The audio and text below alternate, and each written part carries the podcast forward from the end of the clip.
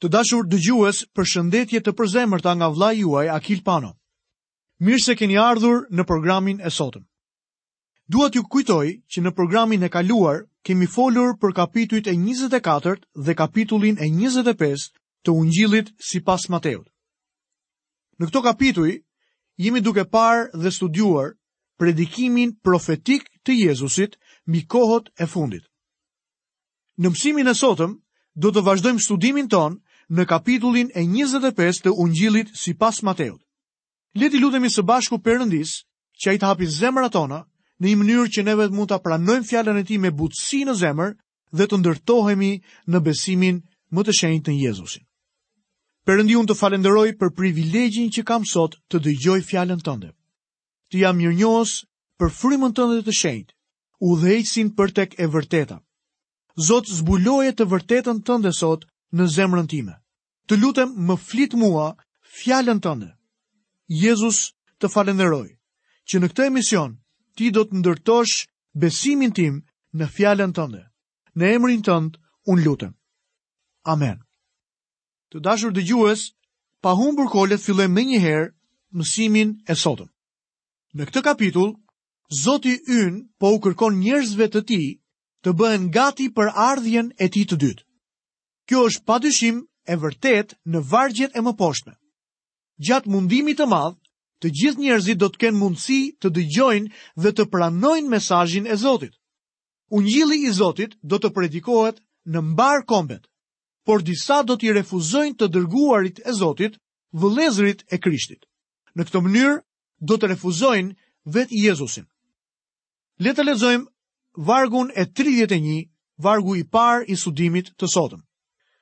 Dhe kur të vijë biri i njeriut në lavdinë e tij, bashkë me të gjithë engjëjt e shenjtë, atëherë do të ulet mbi fronin e lavdisë së vet. Vëmendja e gjithë predikimit në malin e ullinjve përqendrohet në vendosjen e Jezu Krishtit mbi fronin e kësaj bote. Ky është mesazhi i Ungjillit të Mateut. Në fakt, ky është mesazhi i gjithë fjalës së Zotit. Tani do të shohim që kombet do të gjykohen. Ju ndoshta mund të pyesni, a nuk do të thotë kjo se do të gjykohen dhe individët? Po, ju mund t'i konsideroni individët si pjesë përbërëse të kombeve. Por kombet janë përgjegjëse tek Perëndia. Lexojmë në kapitullin e 25 të Ungjillit sipas Mateut, vargun 32. Dhe të gjithë kombet do të mblidhen para tij, dhe ai do të ndajë njërin nga tjetri, ashtu siç ndan bariu delet nga cjeptë. Fjala greke komb do të thotë ethnos, pra ndryshe mund të themi grupe etnike. Lexojmë vargun 33. Dhe delet do t'i vërë në të djathtën e tij dhe cjeptë në të majtën. Nuk e di të ketë ndonjë rast kur Zoti i quan individët cjep. Të gjitha qeniet njerëzore janë quajtur dele. Por ka dy lloje delesh, dele të humbura dhe dele të shpëtuara. Ne të gjithë endeshim si dele, secili prej nesh ndiqte rrugën e vet, dhe Zoti bëri që të bjerë mbi të paudhësia e ne të gjithëve. Thotë profeti Isaia në kapitullin e 53, vargun 6. Ka dele të humbura dhe dele të shpëtuara, jo dele dhe cjepër. Unë besoj se cjeptë prezantojnë grupe kombesh, Tani vini re se cila është prova. Lexojmë në kapitullin e 25, vargjet 34 deri 40. Atëherë mbreti do t'u thotë atyre që do të jenë në të djathtën e tij. Ejani të bekuar të Atit tim, merrni në trashëgim mbretërinë që u bë gati për ju që nga krijimi i botës. Sepse pata uri dhe më dhatë për të ngrënë, Pata etje dhe më dhatë për të pirë. Isha i huaj dhe më pritët. Isha i zhveshur dhe më veshët. Isha i sëmurë dhe ju më vizitonit. Isha në burg dhe ju erdhët tek unë. Atëherë të drejtët do t'i përgjigjen duke thënë, Zot, kur të pamë të uritur dhe të dhamë për të ngrënë, ose të etur dhe të dhamë për të pirë, dhe kur të pamë të huaj dhe të pritëm ose të zhveshur dhe të veshëm. Dhe kur të pamë të lënguar ose në burg dhe erdhëm tek ti. Dhe mbreti duke iu përgjigjur do t'u thotë: Në të vërtetë po ju them, sa herë ia keni bërë këtë ndonjërit prej këtyre vëllezërve të mi të vegjël, këtë ma bëtë edhe mua. 144.000 judenj që do të jenë të vulosur në kohën e mundimit të madh, do të shkojnë në mbarë botën për të predikuar mesazhin e ungjillit të mbretërisë. Ky mesazh është pranimi i Jezusit si sakrifica për mëkatet e tyre dhe përgatitja për ardhjen e tij të menjëhershme.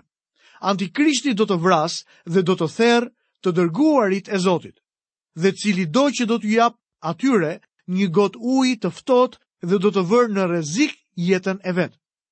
Të japësh një gotë me ujë të ftohtë në ditët e sotme ka pak vlerë, por në kohën e mundimit të madh do të ketë një vlerë të jashtëzakonshme. Kjo gjë do të thotë deklarimi i pozicionit të Jezu Krishtit. Baza mbi të cilën do të gjykohen kombet është pranimi ose mohimi nga ana e tyre i Jezu Krishtit. Ai thotë, sa herë që ia keni bërë këtë ndonjërit prej këtyre vëllezërve të mi të vegjël, Këtë ma bëtë mua. Sepse të dërguarit prezantojnë Jezusin. Në këtë mënyrë, ata do të tregojnë besimin në mesazhin se mbretëria e qiejve është afër dhe se për t'u shpëtuar duhet të pendohen dhe të kthehen te Krishti. Për ata të cilët e mohojnë, ka vetëm një gjykim. Lexojmë vargjet 45 dhe 46. Atëherë ai do t'u përgjigjet atyre duke thënë, në të vërtetë ju them, sa herë nuk ia keni bërë këtë ndonjërit prej këtyre më të vegjëlve, këtë nuk ma bëtë as edhe mua, dhe ata do të shkojnë në mundim të përjetshëm, dhe të drejtët në jetën e përjetshme. Kombe të tëra do të hyjnë në mbretërimin mijëvjeçar. Nga këto, do të jenë edhe disa individë që do ta mohojnë Krishtin. Por gjykimi i kombeve në ardhjen e dytë të Krishtit do të bëhet për të përcaktuar se cilat kombe do të hyjnë në mbretërimin mijëvjeçar. Ky gjykim është i ndarë dhe i veçantë nga gjykimi tjetër. Ky është edhe fundi i kapitullit të 25. Ndërkohë që tani do të vijojmë studimin tonë me kapitullin e 26 të Ungjillit sipas Mateut. Tema e kapitullit të 26 është ngjarja finale në jetën e Jezusit. Menjëherë para kryqit, komploti për ta arrestuar atë. Vajosja nga Maria e Betanisë, shitja nga Jud Iskarioti, festimi i darkës së parë të Zotit, parashikimi i mohimit të Pjetrit Agonia në kopshtin e Getsemanisë, tradhtia e Judës, arrestimi nga krerët e priftërinjve, gjyqi para Kajafës dhe Sinedrit dhe mohimi i Pjetrit. Ky kapitull është kapitulli më i gjatë i gjithë ungjillit të Mateut. Në fund të vargut 30 mund të dallojmë një ndërprerje. Ngjarjet e regjistruara tek Gjoni, kapitujt 15 dhe 17, mund të shtoheshin fare mirë pas këtij vargu. Një ndërprerje tjetër mund të jetë edhe në fillim të vargut 57. Një ndarje e kapitullit në këtë pjesë e vendos procesin gjyqësor para krerëve fetarë në një kategori të veçantë. Ndoshta ata që kanë bërë ndarjen e shkrimit kanë dashur të përfshinë kaq shumë ngjarje në një kapitull për t'u treguar lexuesve diçka për qëllimin dhe shpejtësinë e rrjedhjes së ngjarjes. Çdo ngjarje dhe detaj në këtë kapitull të çon drejt kryqit. Saktësia e paraqitur u jep përshtypjen lexuesve se Jezusi është zënë në vorbullën e rrethanave mbi të cilat ai nuk ka asnjë kontroll. Megjithëse një ekzaminim dhe një vlerësim i kujdesshëm do të zbulojë që Jezusi është Zot i rrethanave dhe ai është mbret më shumë se kurrë ndonjëherë më parë, ndërkohë që ai është duke iu afruar kryqit. Gjithçka e regjistruar në këtë kapitull dhe në kapitullin 27 të Mateut duhet të studiohet në dritën e përcaktimit që Jezusi bëri në Cezarea të Filipisë, gjashtë muaj përpara se të shkonte për të vdekur në Jeruzalem. Që nga ai çast, Jezusi filloi t'u sqarojë dishepujve të vet se i duhej të shkonte në Jeruzalem, të vuante shumë për shkak të pleqve, të krerëve të priftërinjve dhe të skribëve, se do të vritej dhe do të ringjallej ditën e tretë. Ai lëviz sipas planit të Zotit. Jezusi nuk është viktima e pashpresë e zënë në kurthin e intrigave fetare dhe fuqisë së pushtetit të Romës. Ndërkohë që shohim gjithçka ndodh në këtë kapitull, mbushemi me një mirënjohje të thellë, sepse ato gjëra që ndodhin lidhen ngushtë me shpëtimin tonë. Le të shohim planin për të vrarë Jezusin. Do të lexojmë në kapitullin e 26 të Ungjillit sipas Mateut, vargun e parë. Dhe ndodhi që pasi Jezusi i mbaroi të gjitha këto fjalime, u tha dishepujve të vet. Shikoni se çfarë thuhet mbasi Jezusi mbaroi të gjitha këto fjalime. Çfarë fjalimesh? Predikimin në malin e ullinjve. Ai iu përgjigj pyetjeve të tyre në lidhje me fundin e kohërave dhe tani Jezusi ka diçka tjetër për ta. Lexojmë vargun e dytë. Ju e dini se pas dy ditësh janë pashkët. dhe biri i njeriut do të dorëzohet për t'u kryqëzuar. Le të lexojmë deri tek vargu i 5 dhe të shohim diçka mjaft interesante që na zbulohet këtu. Atëherë krerët e priftërive, skribët dhe pleqtë e popullit u mblodhën në pallatin e kryepriftit që quhej Kajafa. Edhe bënin këshillë për ta zënë Jezusin me dredhi dhe ta vritnin. por thonin, jo gjatë festës, që të mos bëhet ndonjë trazirë në popull. Në vargun e dytë, Jezusi u tregon dishepujve të tij se ai do të vdesë. Sipas shkrimit, kjo është hera e gjashtë që ai u thotë atyre këtë gjë. Para gjashtë muajsh, duke filluar në Çezarea të Filipisë, Jezusi njoftoi vdekjen e tij të afërt. Ndërkohë që tani, ai përcakton edhe kohën e vdekjes së tij. Ai u tregon se do të vdesë gjatë festës së Pashkës. Por krerët fetarë kishin plane të tjera. Vini re vargun e pestë. Por thonin, jo gjatë festës, që të mos bëhet ndonjë trazirë në popull. Ata që e çuan Jezusin në vdekje, thanë që nuk do ta kryqëzonin atë gjatë pashkës, ndërkohë që Jezusi tha që ai do të vdiste gjatë kësaj feste. Kur vdiq Jezusi? E vërteta biblike është se Jezusi vdiq gjatë festës së Pashkës. Mund ta shihni që ishte Jezusi ai që përcaktoi kohën e vdekjes së tij dhe jo armiqtë e tij. Jezusi ka gjithë fuqinë dhe autoritetin. Ai është mbreti i ungjillit të Mateut dhe atëherë kur duket se është më i pafuqishëm dhe më i pashpresë se kurrë ndonjëherë. Edhe në atë moment, ai vazhdon të ketë situatën nën kontroll. Urrejtja e hidhur e armiqve të tij, ka bërë që ata të thurin komplote për vdekjen e tij. Ata duhet ta bëjnë këtë gjë sipas mënyrës së tyre, por në fakt nuk do të lejohen të bëjnë ashtu siç ata duan. Sa më shumë i afrohet kryqit, aq më mbretëror bëhet Jezusi. Le të kalojmë nga kjo ngjarje në një tjetër akoma dhe më të mrekullueshme. Le të shohim se si Jezusi vajoset nga Maria e Betanisë. Do të lexojmë vargun 6 dhe vargun 7. Tani kur Jezusi ishte në Betani, në shtëpinë e lebrozit Simon, Iu afrua një grua me një alabastër me vaj të parfurmuar shumë të kushtueshëm dhe ia derdhi mbi kokën e tij kur ai po rrinte në tryezë. Betania ishte vendi i dashurisë, ndërkohë që Jeruzalemi ishte vendi i urrejtjes.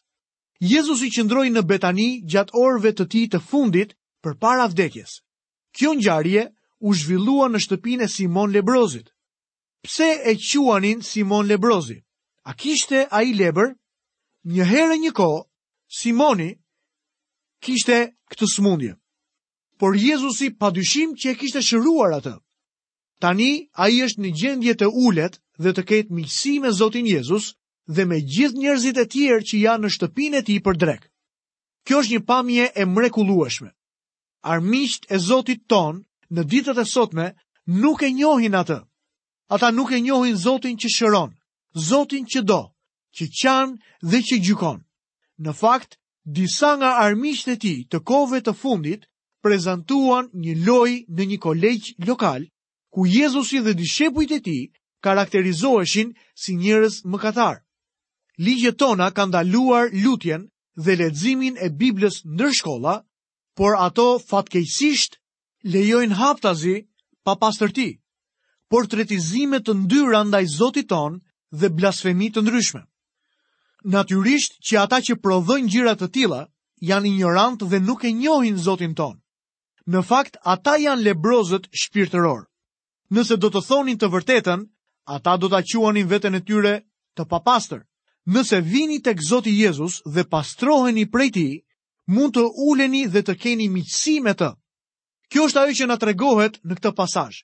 Ndërkohë që ata po hanin drekë, një grua, e cila gjithashtu na zbulohet tek Gjoni kapitulli 12 dhe vargu i 3, dhe në këtë varg na tregohet se ajo ishte Maria, erdhi tek Jezusi me një enë alabastri me vaj të çmuar dhe vajosi kokën dhe këmbët e Jezusit me vajin e parfumuar. Gjoni na tregon gjithashtu se Juda Iskarioti ishte ai që ngriti shqetësimin ndaj kësaj gruaje, edhe pse të gjithë dishepujt ishin dakord me të. Lexojmë vargun e 8. Kur e panë këtë gjë, dishepujt e tij u zemëruan dhe thanë: Përse gjithë ky shpenzim i kot? Pyes veten se sa shumë interesoheshin në të vërtetë dishepujt për të varfrit. Ata më kujtojnë disa njerëz të shoqërisë sonë bashkëkohore, të cilët gjithmonë flasin për kujdesin ndaj të varfërve, por vetë nuk bëjnë asgjë për këtë. Në qeverinë tonë ka mjaft ligjvënës të cilët janë milionerë dhe gjithmonë flasin për programe varfërie dhe ndihma të tjera për të varfrit. A jeni përpjekur ndonjëherë të zbuloni se çfarë kanë bërë ata personalisht për të varfrit? Unë nuk shqetësohem për atë lloj hipokrizie. Treguesi i sinqeritetit të interesimit tënd qëndron gjithmonë në atë çfarë bën ti personalisht. A po përpiqesh thjesht të bësh një përshtypje të mirë apo të ndihmosh me të vërtetë njerëzit në nevojat e tyre? Le të lexojmë vargun e 9. Ky vaj në fakt mund të shitej shumë shtrenjtë dhe parat t'u jepeshin të varfërve.